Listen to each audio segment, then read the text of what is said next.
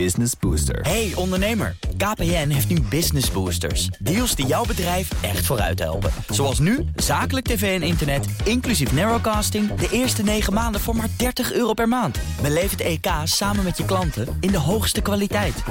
Kijk op kpn.com slash businessbooster. Business Booster. DNR Nieuwsradio. BNR Zaken doen. Thomas van Zeil. In de VS en Europa lopen de lonen op en blijft de inflatie achter. Dat klinkt als goed nieuws. Of dat ook zo is, dat bespreek ik met het economenpanel bestaande uit Steven Brakman, hoogleraar internationale economie aan de Rijksuniversiteit Groningen, Edin Mujacic, hoofdeconoom OHV Vermogensbeheer en Harold Benink, hoogleraar bankwezen en financiering aan de Universiteit van Tilburg. En ook nog altijd hier is mijn zakenpartner van vandaag, Elske Doets. Welkom allen. Goedemiddag. Goedemiddag. Edin, jij hebt aan onze redactie laten weten: dit is goed nieuws. En dat na een uh, jaar van economenpanels, vooral in mineur, is dit inderdaad goed nieuws? Het is heerlijk nieuws. Uh, kijk, juist op het moment waarbij um, heel veel mensen het hebben over uh, lagere groei in 2019. Ik hoor hier en daar zelfs verhalen van een recessie. waarbij wij te maken hebben met de situatie waarin de ECB en de Fed die stimulans voor de economie langzaam maar zeker afnemen. Uh, dat werkt dan ook nog door. Uh, net op dat moment zit je in een, in, in een economische omgeving waarin het inkomen van hele grote groepen mensen harder stijgt dan de prijzen waar ze dat geld aan uh, uitgeven. Dus ze houden wat meer over. De koopkracht neemt toe. De koopkracht neemt toe. het enige waar je dan voor, voor moet waken is dat de overheden niet denken: ah, dit is mogelijk om die mensen, omdat ze wat rijker zijn geworden, extra heffing op te leggen. Die moeten het niet ongedaan gaan maken. Ja. Maar dit is in principe wat je wilt hebben voor de uh, aanhoudende groei van de economie. Harald, we hebben het in die panels de afgelopen tijd vaak gehad over de vraag: waar blijft nou toch die loonstijging? Het gaat toch zo goed? Er is toch krapte op de arbeidsmarkt en dat zien we nauwelijks terug in de lonen. Wat is de verklaring voor het feit dat dat nu mondjesmaat toch begint door te sijpelen in de cijfers? Dat die lonen inderdaad omhoog gaan? Nou, we hebben natuurlijk hele hoge economische groei gehad. Hè, de afgelopen jaren rond de 3% Dus dan krijg je natuurlijk en een hele lage werkloosheid. Tegelijkertijd moeten we niet vergeten dat de internationale arbeidsmarkt natuurlijk heel concurrerend is. China, Oost-Europa, wat natuurlijk. Je kan je ook niet te veel veroorloven, denk ik, met, uh, met loonstijgingen. En een derde factor, denk ik, die toch een beetje een pas op de plaats geeft, is dat afgelopen vrijdag heeft Eurostat, het Statistisch Bureau van de Europese Unie, de cijfers van de productiviteitsgroei, stijging gepubliceerd van het afgelopen jaar. En wat zien we? In de eurozone was de groei het afgelopen jaar rondom de 0%. En in een aantal leidende grote economieën in de eurozone zelfs negatief. We weten allemaal, als de productiviteit niet groeit en zelfs daalt, dan is de ruimte voor loonstijging natuurlijk eigenlijk nauwelijks aanwezig. Dus ik denk dat die cijfers, ik zag ze vanochtend in de Financial Times, dat, artikel, dat, artikel, dat dat toch wel heel erg een, uh, een sobering message is voor toekomstige verdere loonstijgingen.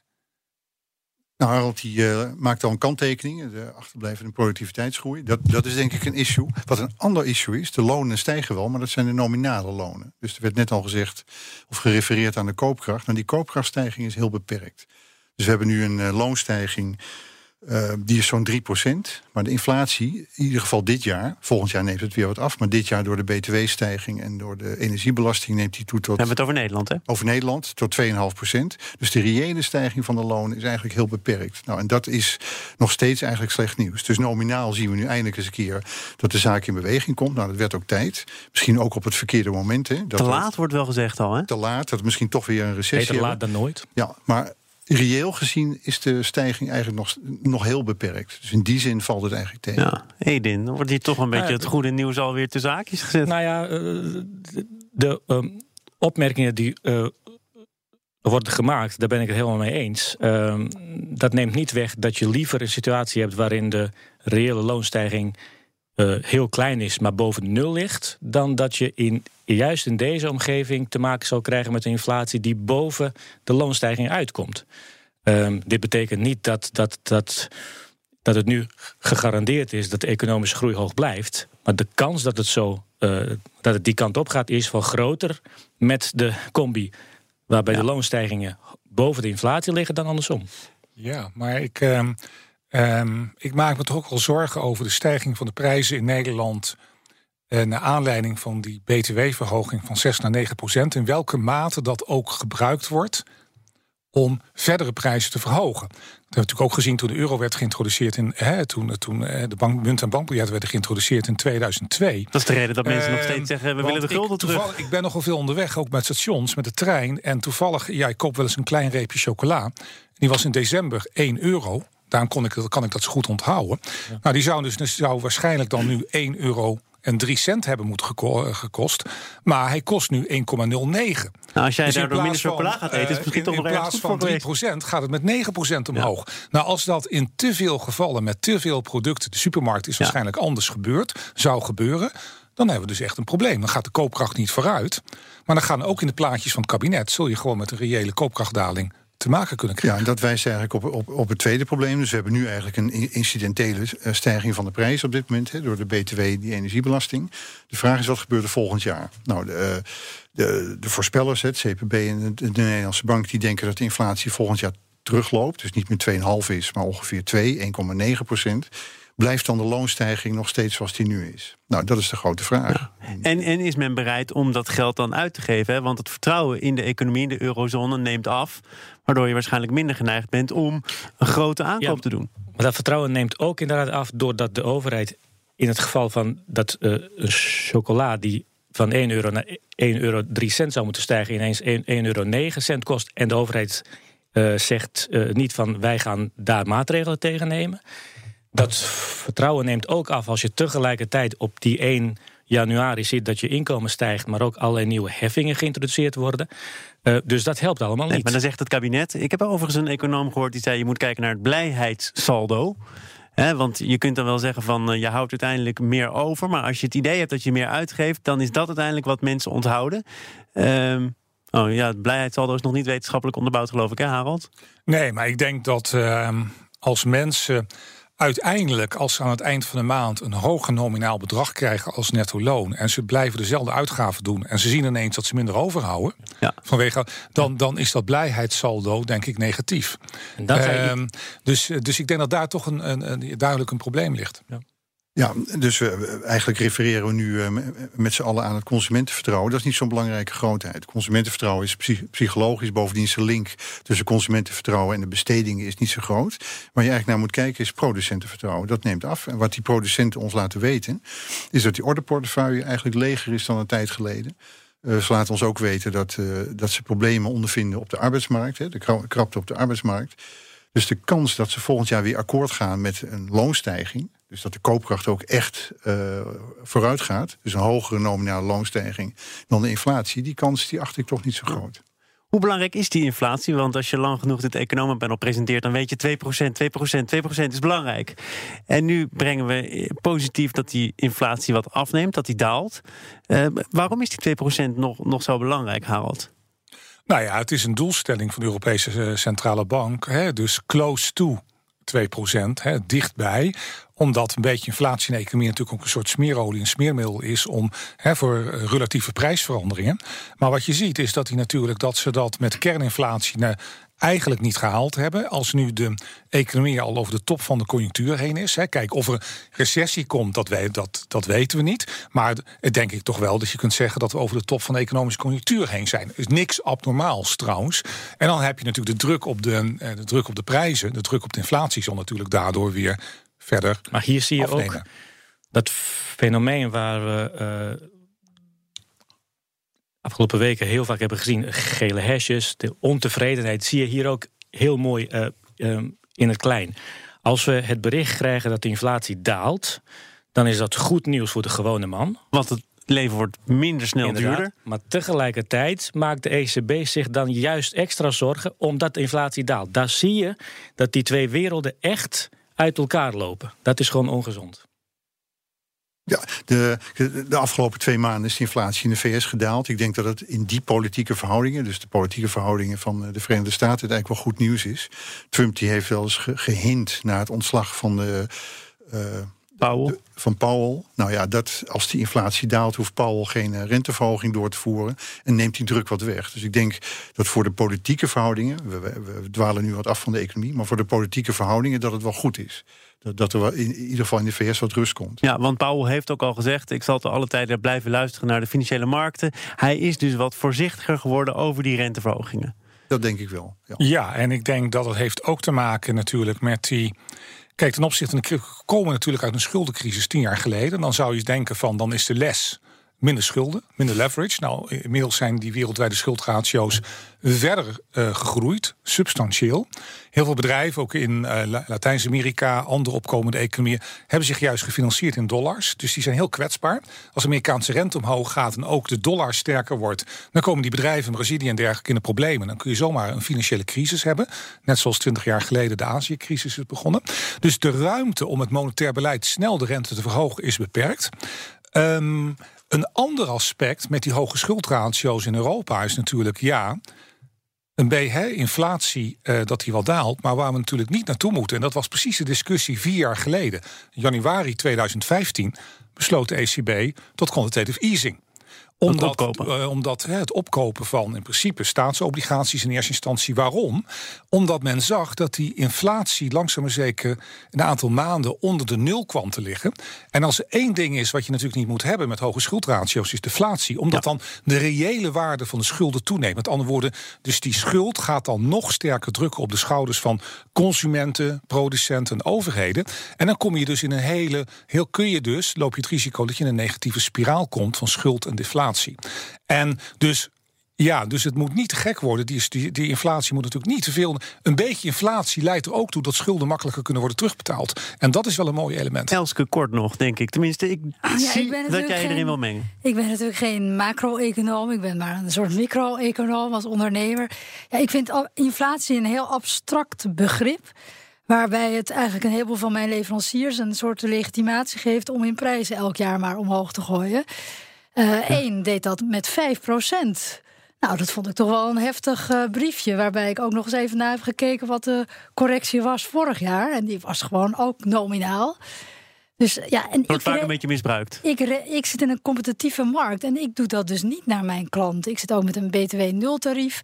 Dus ik, ik, ik vind dat altijd een heel onaangenaam moment, eigenlijk, die inflatiecorrectie. Te gast is het economenpanel bestaande uit Steven Brakman, hoogleraar internationale economie aan de Rijksuniversiteit Groningen, Edin Mujadjic, hoofdeconoom OHV Vermogensbeheer en Harold Benink, hoogleraar bankwezen en financiering aan de Universiteit van Tilburg. En mijn zakenpartner is Elske Doets. Ik wil met jullie naar een uitspraak van Theresa May van vandaag. Die zei: Het is mijn deal of geen Brexit. Stoere taal. Steven Brakman, je schudt een beetje van nee, of je deinst zelf terug van de microfoon. Wat maak je hiervan? Nou, eigenlijk heel, eigenlijk heel weinig. Ik denk, eh, we zitten nu in een, uh, in een gebied waar niemand goed weet wat er gaat gebeuren. Nou, morgen krijgt ze denk ik geen gelijk. Dus haar deal die zal worden weggestemd. En wat er dan gebeurt is hoogst onzeker. Dus ze krijgt dan drie dagen de tijd om iets te bedenken.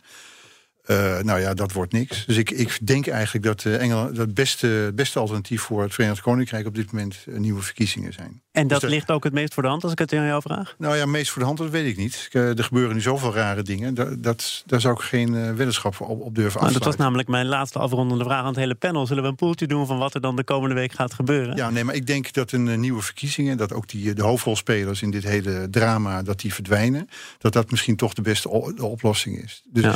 een, een aangepaste deal, dat wordt allemaal niks. Dat gaat, dat gaat ook niet gebeuren. Ik hoop in ieder geval dat we in de komende weken, uh, wat het ook wordt, duidelijk te horen krijgen wat het wordt. Want we zitten nu al een jaar lang met, met onzekerheid. Net als je denkt, het kan niet ingewikkelder en complexer, gebeurt het toch.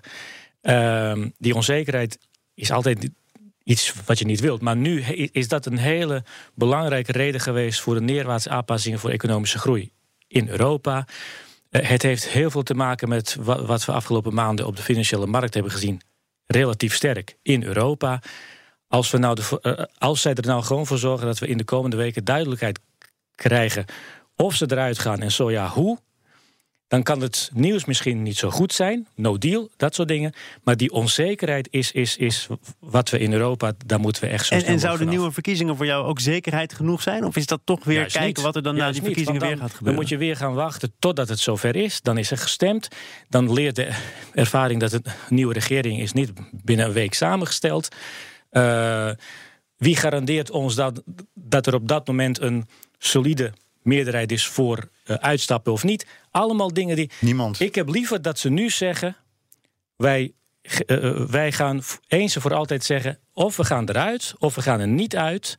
En dan weet iedereen eh, hoe en wat. Op dit moment, dit is ongewenst wat we nu zien. Nee, maar ik begrijp wel dat je die wens hebt, alleen het gaat niet gebeuren. Dus morgen verliezen de stemming in het Lagerhuis. En dan- dat hebben ze besloten, dan krijgen ze drie dagen de tijd om met een alternatief te komen. Dat alternatief of met een, met een, eh, een, nieuw plan. Dan moeten ze naar Brussel. Dan moeten ze kijken of ze daar toch nog weer extra toezeggingen Ja. los kan peuteren. En Brussel die zal niet akkoord gaan eh, met, met een, met een Fort Modder plan. Die zullen, zullen zeggen van nou ja, we willen of een referendum of we willen nieuwe verkiezingen. Dan zijn we bereid om die datum van 29 maart eh, te verlengen of uit te stellen. Dat is de deadline, Harald. Nou ja, kijk, weet je wat dit gewoon is? Dit is echt high drama. Dit hebben we nu al gezien sinds, eh sinds eh, 2,5 jaar. Hè? Juni 2016, toen het referendum plaatsvond. Eh, mensen als Boris Johnson en Michael Gove, de Brexiteers, hadden nooit ge- zelf geloofd, verwacht dat ze het referendum zouden winnen. Dat was ook helemaal niet de bedoeling, maar het was dus ook een mooi eh, element om eens wat. eh, ja, stirring up emotions, leven in de brouwerij te brengen. Dus het, het is high drama. Ook als je nou vanochtend die speech waar je net op doelde... van Theresa May, het is mijn deal of geen deal... dat was dus in een porseleinfabriek. Breekbaar porselein. Hè, we hebben onze eigen minister-president. Rutte... die heeft over het vaasje. het breekbare vaasje. Eh, Theresa May heeft in een porseleinfabriek... met een, eh, een passend wit mantelpakje. Heel opvallend. Normaal zat het in blauw of dat soort kleur. Maar het is dus high drama. En het is volslagen onvoorspelbaar wat er gaat gebeuren. Ik denk dat, eh, dat, de, natuurlijk wat jij zegt, Eden, je hebt helemaal gelijk. Maar het gaat waarschijnlijk toch niet gebeuren. Want kijk, dat gaat natuurlijk. Want wat je ziet, kijk, sommige mensen zeggen wat Theresa May zegt, dan, dan moet er maar geen Brexit plaatsvinden. Dat is één, hè, dat je het gewoon ook artikel, artikel 50 van het Europees Verdrag, eh, hè, die, die ze hebben opge, ja, aangeroepen om uit de EU te treden, dat ze dat herroepen. Maar Boris Johnson en, en zegt al van nou. Dat zeker niet. Dan maar liever gewoon een, een harde brexit zonder deal. Ehm, dus men is fundamenteel verschilt men van mening wat er moet gebeuren. En het is natuurlijk een titanengevecht. Het is, Want ja, de, zij, zien- de Brexiteers zien natuurlijk dat dadelijk glipt die hele Brexit uit hun handen. Ehm, terwijl de andere mensen die zeggen, ja, misschien is het toch rationeler om bijvoorbeeld nog eens wat eh, te heronderhandelen of in Europa te blijven. En Steven Brakman. Nou, wat Harold nu zegt, ik denk dat, dat hij eh, de spijker op zijn kop slaat. Die, de loopgraven zijn betrokken. Het is enorm verhard. Eh, niemand geeft meer een strobreed toe. Dus wat voor oplossing kun je in zo'n situatie nou bedenken? Nou, is het een goede oplossing? Nee, maar ik denk toch dat nieuwe verkiezingen... eh, die hier misschien een eh, hulpmiddel zou, zouden kunnen zijn. Dus dat mensen toch uit hun loopgraven komen. Dat er ook nieuwe politieke leiders Je komen. bent een beetje af van, van oud zeer wellicht, omdat je Oud-zeer, voor dus nieuwe Corbyn partij verdwijnt misschien. Ja. Maar ik hoop- Theresa May verdwijnt misschien. Maar dan heb je in ieder geval een nieuw begin. Nu is de situatie dermate verhard en gepolariseerd. dat welk plan ook in de huidige verhoudingen. zal, altijd zal het altijd verliezen in het lagerhuis. Ik hoop in ieder geval dat de overgebleven 27 lidstaten, inclusief Nederland, hier nou van leren. Als je gewoon ziet wat voor chaos het oplevert als je overweegt om uit de EU te stappen. En dan hebben we het nog over een land dat aan een heleboel EU-dingen niet eens meedoet. Dat ook fysiek losgekoppeld staat van Europa. Dan moet je proberen voor te stellen wat voor chaos en schade die daarbij hoort. Het zou opleveren als Nederland zou besluiten uit de eurozone dan wel de EU te stappen. Dus Ja. wij economen zeggen heel vaak: we kunnen geen eh, experimenten eh, uitvoeren om aan te tonen dat iets wel of niet werkt. Soms Dat dienen experimenten voor ons. eh, zich uit zichzelf aan. Dit is zoiets. Als je hier niet van leert, dan weet ik het ook niet meer. Maar deze les is geleerd. Ik denk dat eh, dus Nou. de, de, de, de stemming is verhard. Maar ook in de richting van de EU ten opzichte van het Verenigd Koninkrijk. En de reden is natuurlijk om ook binnen Europa, dus de overgebleven 27 landen, een signaal te geven. Blijkt Dat- toch wel, die laten zich totaal niet uit elkaar spelen. Die hebben over alles ruzie. Maar Ja, dat hier is goed nieuws. zijn ze binnen Maar een dat- half uurtje maar dat is goed nieuws. Dat is het signaal waar jij nu op doelt. Maar dat is in feite dat is goed nieuws, maar dat is al gegeven. Dus Europa geeft ook geen strobreed toe. Dus wanneer zullen ze akkoord gaan met een verlenging van die, eh, van die, die datum, 29 maart, eh, zo over twee maanden? Nou, dat doen ze alleen maar als er echt iets eh, gebeurt in het Verenigd Koninkrijk. Nou, wat is echt iets gebeuren? Een referendum, dat gaat niet helpen. Nieuwe verkiezingen misschien wel. Harald Benink, als nou zou blijken, hè, als de stofwolken wegtrekken... en uiteindelijk blijft Groot-Brittannië lid van de EU... Hoe komen die dan terug in deze steeds hechtere familie? Dan, dan moet je in één keer weer zeggen, wees welkom. Of nou ja, goed, schuif toch maar weer aan. Dat is toch ook eigenlijk Ja, moeilijk maar voor dat te zou stellen. dus kunnen. Dat schijnt juridisch gewoon te kunnen. Maar dan heb je natuurlijk echt een vertrouwensissue. Precies. Eh, hè, en dan ook eh, in die politieke onderhandelingen die nu ook plaatsvinden, bijvoorbeeld over het nieuwe Europese begroting voor de komende zeven jaar. Waar de Britten natuurlijk ook een speciale deal hebben, hè, een korting, de rebate. Dus het is buitengewoon moeilijk om dat te zien. Ehm, maar ja, er wordt nu ook over een aantal andere modellen gesproken. Hè. Dus als het, het verdrag, wat uh, de deal die het Verenigd Koninkrijk nu heeft uitonderhandeld met de EU 27 uh, wordt, zou worden weggestemd morgen, als dat gebeurt. Dan kan je, ja, er zijn allerlei varianten. Een harde brexit, met geen deal. Of misschien wordt nu ook gekeken toch naar de Noor, de variant van Noorwegen. Dus wel buiten de EU, maar toegang tot de interne markt. Maar ja, dan heb je natuurlijk wel de ironie. Dan heb je nog steeds dat vrije personenverkeer. En moet je nog steeds bijdragen aan de Europese begroting. Terwijl je dus niet mee mag stemmen met de wetgeving. Er zijn allerlei varianten waar je over kan, eh, praten. Ik denk dat er dan dat misschien. Ja, ik denk dat het onvoorspelbaar is. Ik denk dat heel veel varianten op tafel komen. Oeh, dan toch weer zo'n keiharde toezegging. Ik denk dat het onvoorspelbaar is. Nou, dat denk ik ook. We gaan het eh, deze week, eh, deze dagen goed volgen. Dank alvast voor de inleidende beschieting en de voorbeschouwing. Steven Brakman, hoogleraar internationale economie aan de Rijksuniversiteit Groningen. Edin Mujadjic, hoofdeconoom bij OHV Vermogensbeheer.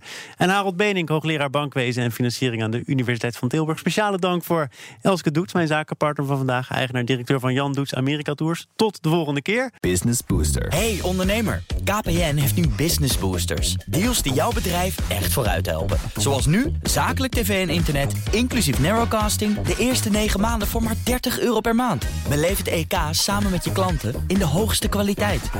Kijk op kpn.com businessbooster. Business Booster.